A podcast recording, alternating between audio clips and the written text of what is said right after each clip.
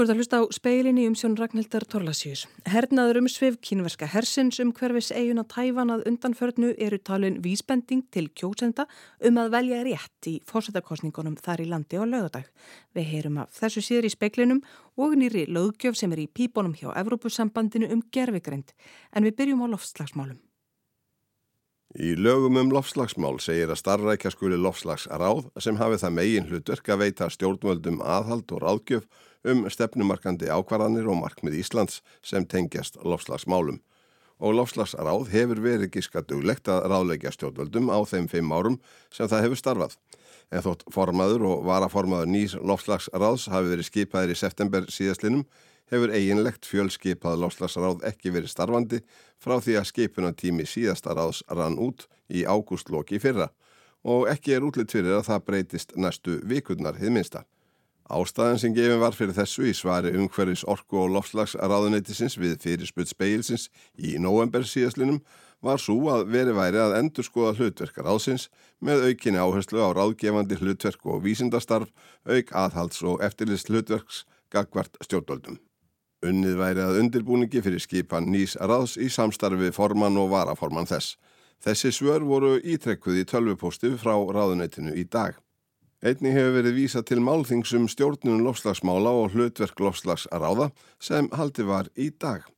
Halla Sigrun Siguradóttir, skrifstofustjóri í umhverfis orku og lofslagsráðuneytinu, fjallaði þar um styrkingu stjórnsíslu lofslagsmála og lofslagsráðs, þar sem hún bóðaði breytingar á skipun og samsetningu ráðsins. Hún segi málþingi hafa verið liði í að fá fleiri hugmyndir og ebla samtali við allt í senn aðila í lofslagsráði utan að komandi sérfræðinga og aðra hag aðila. Og hún segir frumvarp sem miði að því að styrkja grundvöld fyrir ráðinu í lofslagslögum komið á máláskrá War Things. En það sem við erum að líka vinna að núna, við erum að vinna að reglugerðar drögum þar sem að gert er ráð fyrir breytingu á lofslagsráði og að fulltrúrin í lofslagsráði séu valdirinn eftir ákvæmna hefniskerfi og, og sérþekkingu og við erum að, um, að fara í átt af því sem að við sjáum í kringum okkur eða það eru tilugur okkar.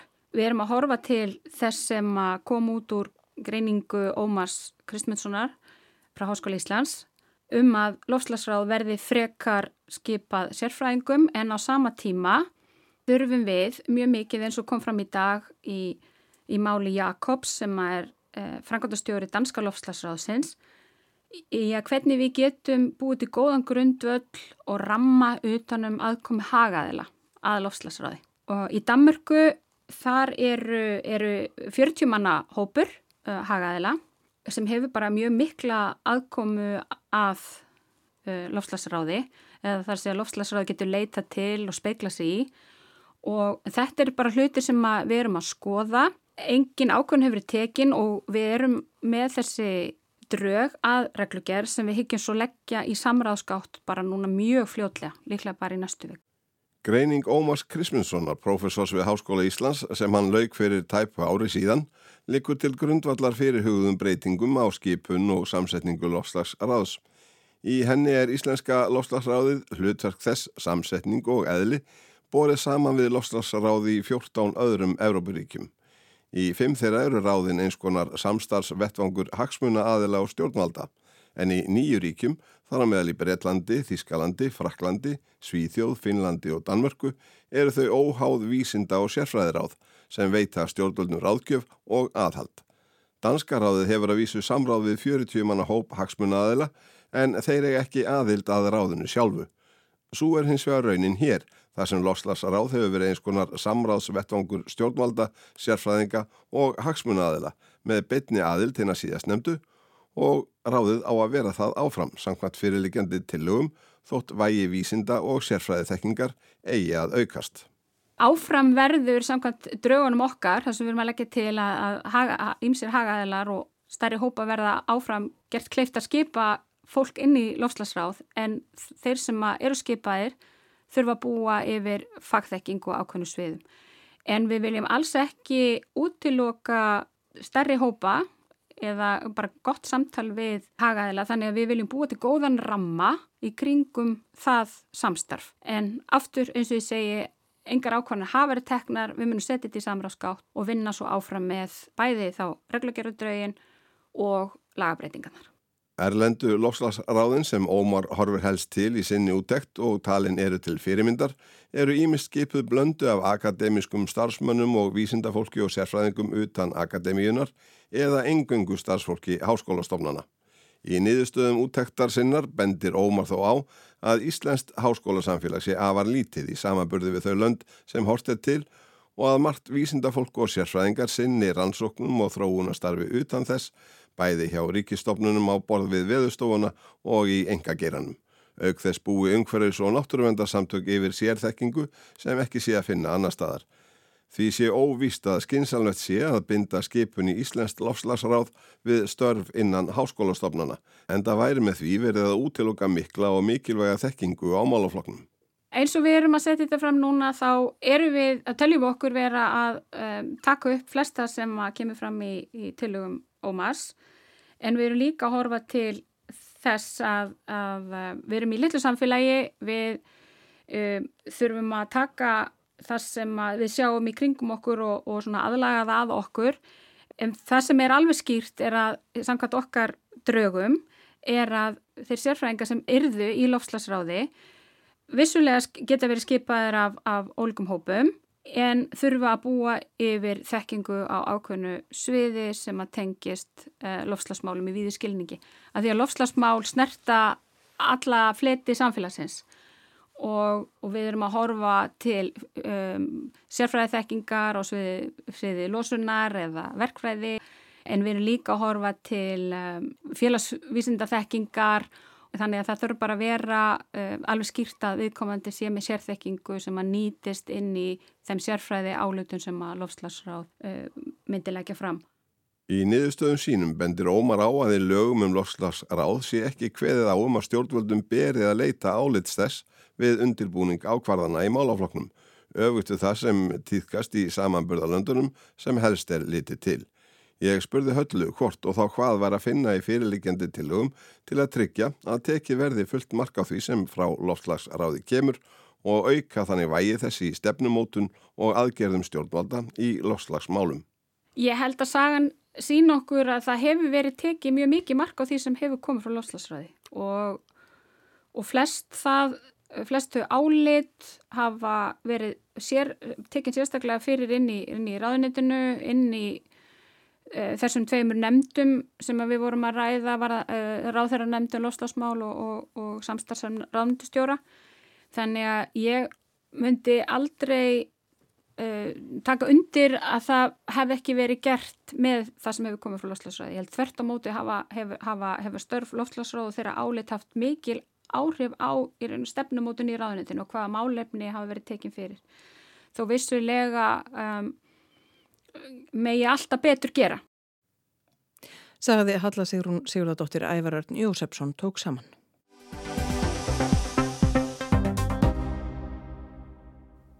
Lagabálkurum gerfigreint sem nú er á lokametrónum hjá Evrópusambandinu er fyrsta tilraunin til að setja einhvern ramma utanum þessa tækni sem óðum er að reyðja sér til rúms.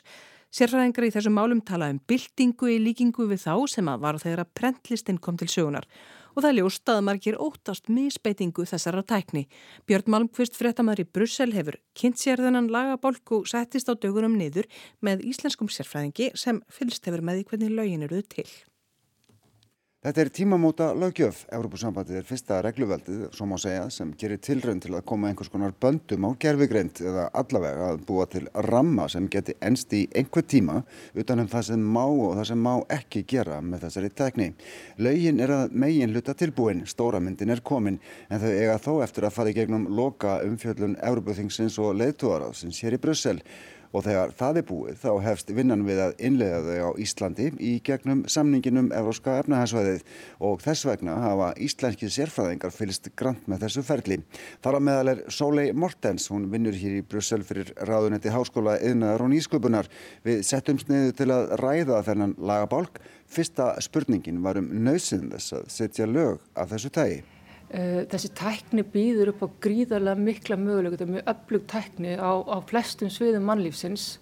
en að samaskapi þá þarf að setja ramma þannig að, að, að samfélagsgildin og líðræði sé tryggt og hún sé notuð á þann hátt að það sé í raun og veru bara mannlegur samfélagssáttmál um það hvernig tæknin sé notuð mm -hmm.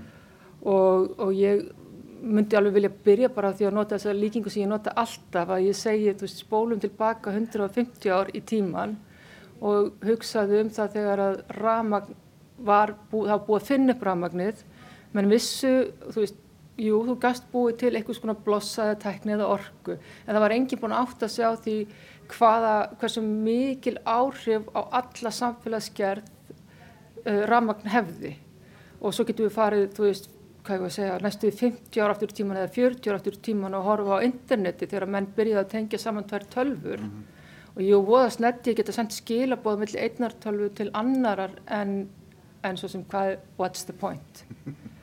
og við erum svolítið á þeim stað ja. en á sama tíma þá er þessi tækni færum að sko gerfugreindin er ólík þessum atriðum að því leiti til að hún er fær um að læra sjálf, þetta er vélnám. Það er munurinn á bara tækni tækni, uh, forriti og gerfugreindin er það að það er á sér stað vélnám.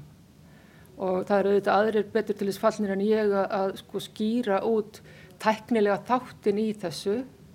Og, og svo er það hlutverk siðfræðinga og í raun og veru stjórnmálana að taka ákvörnum það hvað, hvað, hvað, hvað sé í lægi og þetta er kannski maður segja fyrsta tilraun uh, til þess að ramma, setja ramma utanum það hvað megi gera með þessari nýju tekni og nálgunin er áhættu miðu, það er að segja að það er verið að reyna með gerfigreinda gerðinu er Evropasambandið fyrst reglu velda eða ríkja eða ríkja sambanda að reyna að búa til einhvern ramma sem bæði á að styðja við möguleikan mm -hmm. og mhm. tækifæri sem felast í þessu en að sama tíma tryggja það að, að grunngildi og réttindi einstaklings og samfélaga uh, þeim sem ekki opnað Og það eru ákveðinir varnaglar slegnir í þessari tilskipun eða þessari reglgerð uh, til dæmis um, um personavend, til dæmis um, um það að nota ekki gerfigrind í þeim tilgangi að veist, fylgjast óháflega með borgurum. Uh, þannig að það kattast kannski á sko varuðar sjónamöðin og síðan þessi sjónamöðum að hamleiki framtróun. Já, þarna er einmitt verið að reyna að búa til mæta þessum ólíku sjónamið og það er auðvitað ástæðan þessi gerð var fyrst lögð fram af framkvæmdastjórn Európusambandsins í april 2021 og hún er búin að vera núna í kerfinu hérna í, í Evrópu að fara sinn feril og ástæðan fyrir því að þetta tekur þetta langa tíma er svo að, að það er ekkert einfalt svar og það eru ólík sjónamið það er mikil áhersla hér í Brussel og í Evrópu að styðja við nýsköpun og styrkja tæknithróun í Evrópu, gera Evrópu sjálfbærari hvað varðar tæknithróun og nýsköpun mm. en á sama tíma er, er líka sko, mjög sterk krafa um persónavend og, og hvernig og hverjir megi nota svona valda öfluga tækni og í hvaða tilgangi og eins og nefnir með, með hérna persónavendarsjónamiðina, það eru miklir varnagnarsleiknir varðandi nótkun bæði enga aðila og ofnbæra aðila á því að nýta gerfigreindina til þess að flokka eða, eða greina fólk, uh, fylgjast með því í rauntíma og eða afturvirt mm -hmm. og, og, og þar af leiðandi eru mikla takmarkanir settar líka á nýsköpunina og, og einhvern veginn þarf að finna þennan, þennan milliveg að, að við reynum sem mest að hvetja og styðja við jákvæða þróun eða, eða þróun sem er óumflíðaleg með gerfugreindinni og, og á sama tíma að, að halda því trösti á stopnunum og struktúr samfélagsins sem við höfum. Við verðum að trúa því sem við sjáum og heyrum. Hvað verður, já þú nefnir að hún sé ekki tilbúin en ég menna hún, hún er á leiðinni í gegnum kerfið hinn í Brussel og hún muni enda sem gerð heima á Íslandi, ekki satt? Jú, við gerum ráð fyrir því. En sko, hvað, það eru tvö árið það eða hvað? Já, ég myndi, sko, hún er, það, það, það er ekki búið að ganga frá loka samkumlægi og gert er ráð fyrir það að núna í janúar fái Evropas, ríki Evropasambandsins tillögu að loka, loka útgáfu og þá eiga þau eftir að fjallum þetta og svona, en það menn binda voni við það að á fyrirluta þessa árs þá verði gerðin samþygt og þá tekur innleðingarferli fram ákveðin tíma, það er oft hort á tvö ár og, mm. og síðan getur tekið lengri tíma fyrir okkur að innleðana eftir, eftir á í gegnum EES-samningin.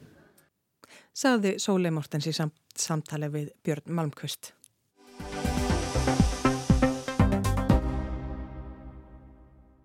Kínversk stjórnvald vöruðu kjósendur á Tæfan við því í dag að greiða Lai Ching-te, frambjóðanda líðræðislega framfaraflokksins DPP atkvæði í fórsetakostningunum á lögardag 13. janúar. Verði hann næsti fórseti eigarinnar skapið það alvarlega hættu sem ógni friði þar sem hann bóði að feta hérna válegu braut til sjálfstæðis. Samkvæmt skoðanakonunum á lagi Sigur Vísan og eftir honum kemur Hú Jú Í frambjóðandi Kuomi Tang flokks eh, þjóðurni sinna. Sá sem líklegastur er til að lenda í þriðasæti er Ko Wen-je, formaður tævenska þjóðarflokksins. Hann er skurðlæknir sem snýri sér að stjórnmálum og var borgarstjóri í höfuðborginni Tapei á árunum 2014 til 2022. Honum hefur til þess að gengið bestan á til ungs fólks sem er að fara að kjósa í fyrsta sinn. Tsai Ing-weng, fráfarandi fórseti, hefur gengt ennbættinu tvö síðustu kjörtímabil. Hann mátt við ekki bjóða sig fram í þriðja sinn. Lai Cheng-te er varafórseti hans. Stjórnvöldi Peking hafa umbóðið Tsai fórseta með semingi en varafórsetin er eitur í þeirra beinum, varhugaverður harðlínum aður. Í yfirlýsingum sem stjórnar skrifstofa Kína í málefnum Tævans sendi frá sér í dag segir að ef Lai komist til valda eigi hann eftir að íta enn frekar undir starfsemi fyrirferðan mikill að aðskilnaðar sinna. Það skapi enn frekari óróa á Tævans sundi eins og það er orðað. Lai er sagður eiga eftir að kynnta enn frekar undir baráttu sjálfstæði sinna verðan fórseti. Þetta valdi því að Tævan færist lengra frá friði og velmegun í áttan hnignun og ófriði. Við vonum innilega að tæfanskir kjósendur ótti sig á þeim skada sem stefna líðræðislega framfaraflokksins DPP veldur um sjálfstætt tæfan og þá alvarlegu hættu sem af Lai Ching-te stafar sem hvetur til átaka yfir tæfans sund segir en fremur í yfirlýsingunni. Það er ekki einungis afstæðalægis til megilandsins sem kýmverk stjórnvöld hafa skömm á, heldur einnig frjálslind afstæða hans til dæmist í gard samkynneigðra. Tævan var einn mitt fyrsta Asjúríkið sem lögleiti hjónabönd fólks af sama kyni. Varnaðar orð kýmverskra stjórnvalda um Lai Chi-teng komu á hæla þess að bandaríkja stjórn tilkynnti að hún ætlaði að senda óopimbera sendinemnd til Tævans eftir kostningarnar. Máning, talsmaður utanrikis ráðunettisins í Peking, gaggrindi þá ákvarðun á fundi með frettamannum í dag. Hún skoraði á bandarisk stjórnvöld að skipta sér ekki af kostningunum á lögardag. Slikt gæti haft alvarlegar afleðingar um, fyrir samskipti bandaríkjana og Kína. Þá baðum bandariska ennbættismenn að hætta að eh, láta hafa eftir sér allskins bull og þvaður um kostningarnar. Almennt hefur verið talið að Jú Íh, frambjóðandi Komitang, flokks þjóðurinn sinna, hafi mildari afstöðu til stjórnvalda í Peking en Lai Ching-tang. Á fundi með frettamönnum í Tapei í dag lagðu hann og var að fórsetta efni hans áherslu á nöðsinn þess að hefja viðræður á ný við ráðamenn á meginlandinu. Jáframt hvaðst hó vilja styrkja varnir Tævans gegn hugsanlegri innrás kýmverska hersins. Þau gaggrindu einnig stjórnkerfið í Hong Kong sem kallast ein þjóð tvö kerfi. Einstaklega dræm þáttaka í kostningunum til umdæmis ráðs Hong Kong í desember töldu þau til marksum að íbúarnir höfnuðu því með öllu. Þessi nýjustu afskipti stjórnvalda í Peking af fórsetakostningunum á lögardag eru ekkert nýnæmi fyrir Tævana. Hernaður um svið kýmverska hersins um hverfist Tævan að undan förnu eru talin vera vísbending til kjósenda um að velja rétt. Kýmverskur áróður í tævanskum fjölmiðlum hefur einnig færst sífælt í aukana. Til að ná til ungra kjósenda er samfélagsmiðlum að borð við TikTok og YouTube beitt bligðurnar löst. Yfir 200 rásir á þeim miðlum eru sagðar dæla át áróðri allan sólarhingin. Stjórnvaldi Peking vilja ekkert við málið kannast.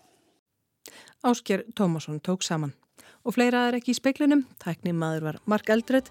Hægt er að hlusta á speilin í spilararúf og helstu hlaðvarpsveitum. Veðið sæl.